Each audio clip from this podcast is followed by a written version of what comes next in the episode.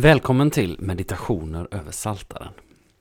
Tanken med de här inspelningarna, eller den här podcasten om man så vill, är att utifrån en vers ifrån Saltaren i Gamla Testamentet säga något litet som förhoppningsvis får bli till inspiration eller uppbyggelse eller fördjupning för dig som lyssnar. Alltså en vers ifrån Saltaren, några ord utifrån den versen och så en smula stilla musik. Varmt välkommen att lyssna.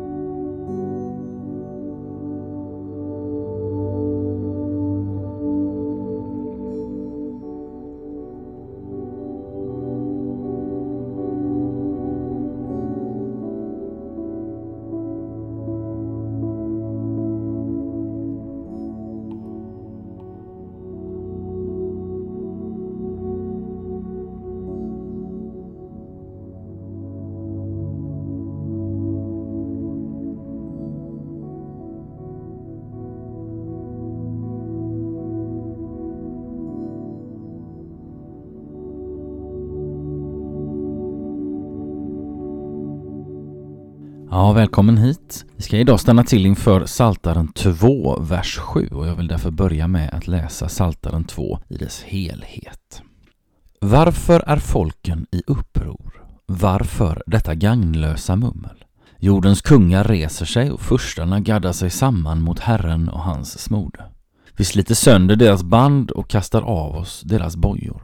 Han som tronar i himlen ler, Herren ser på dem med löje. Nu talar han till dem i vrede. Han skrämmer dem i sin harm. Jag har invigt min konung på Sion, mitt heliga berg. Jag vill berätta vad Herren bestämt. Han sade till mig, du är min son, jag har fött dig idag. Be mig, så ger jag dig folken som arv och hela jorden som egendom. Du ska krossa dem med en spira av järn, slå sönder dem som lerkärl. Konungar, besinna er, ta varning, ni jordens härskare. Tjäna Herren i fruktan, hylla honom i bävan. Annars vredgas han och ni går under, ty hans vrede kan lätt blossa upp. Lyckliga de som flyr till honom. Och vi ska idag stanna till inför den sjunde versen i denna Saltarens andra psalm. Och just den versen lyder så här. Jag vill berätta vad Herren bestämt. Han sade till mig, du är min son, jag har fött dig idag. Ja, vår vandring genom Saltarens andra psalm fortsätter och i dagens vers är det inte längre Gud som talar utan kungen, David. Det är han som vill berätta vad Herren bestämt, han som låter oss veta att Gud har sagt till honom Du är min son, jag har fött dig idag. I samband med den förra versen stannade vi till vid att det finns samband mellan denna psalm och att David blir kung. Utifrån dagens vers förstår vi att David vid sin kröning blir något mer än en vanlig jordisk kung, vilken som helst. Man kan säga att Gud i och med sina ord i dagens vers adopterar David. Den jordiska kungen blir adopterad av den himmelske. Det säger något om kung Davids roll och ställning. Han är i och med detta att betrakta som Guds rättmätige ställföreträdare, en kung framför andra kungar. Och när Gud kallar David för sin son så säger det inte bara något om Davids särskilda ställning. Det säger också något om relationen mellan David och Gud. Den är förtrolig, nära. Guds och Davids relation beskrivs av Gud genom profeten Natan på ett annat ställe med följande ord. Jag ska vara hans fader och han ska vara min son. När han felar ska jag visa honom till rätta med sträng hand som när människorna agar sina barn. Men min nåd ska inte vika från honom. Det läser vi i Andra Samuelsboken 7, verserna 14 och 15. Trons relation med Gud innebär inte att vi alltid får allt som vi vill, men däremot att vi får del av en nåd som aldrig viker och att vi får komma till Gud och leva med honom som en far. Orden som Gud säger till David i dagens salta vers citeras också på flera håll i Nya Testamentet och syftar då alltid på Jesus Kristus. Han som är både Guds son och Davids son. Dels citerar Paulus dessa ord när han talar i synagogan i Antiochia i Pisidien i kapitel 13 i Apostlagärningarna. Paulus visar i det sammanhanget att dessa ord också handlar om Jesu uppståndelse när han säger att vi förkunnar alltså för er detta budskap. Att löftet som fäderna fick har Gud infriat åt oss, deras barn, genom att låta Jesus uppstå, som det heter i andra salmen Du är min son, jag har fött dig idag. Det läser vi i Apostlagärningarna 13, verserna 32 och 33. Också Hebreerbrevet citerar orden i dagens vers vid två tillfällen. I kapitel 1 för att visa på Jesus ställning i förhållande till änglarna, då i Hebreerbrevet 1, vers 4 och 5 och i kapitel 5 för att visa att Jesus inte själv har tagit sig värdigheten som överstepräst utan att den blivit honom given av Fadern. Se Hebreerbrevet 5, verserna 5 och 6. Vi ser med andra ord hur en och samma vers i olika sammanhang förmår visa oss olika sidor av till exempel Jesu identitet. Så talar den här dagens saltavers om Jesus som både Sonen, som den av Gud insatte översteprästen, satt att försona människor med Gud, och som den uppståndne och levande Herren. Vi ber. Alltså vill jag tacka dig Gud för att jag för Jesu Kristi skull får komma till dig som ett barn kommer till en god fader. Tack också för att jag får komma till dig i ditt ord och för att du där i vill visa mig allt mer av vem Jesus är. Tack för den försoning med dig och för det barnaskap hos dig som han gjorde möjligt i och med sitt lidande och sin död på korset. Tack att du uppväckte din son så att jag och alla människor kan få ha honom som sin uppståndne och levande Herre. Amen.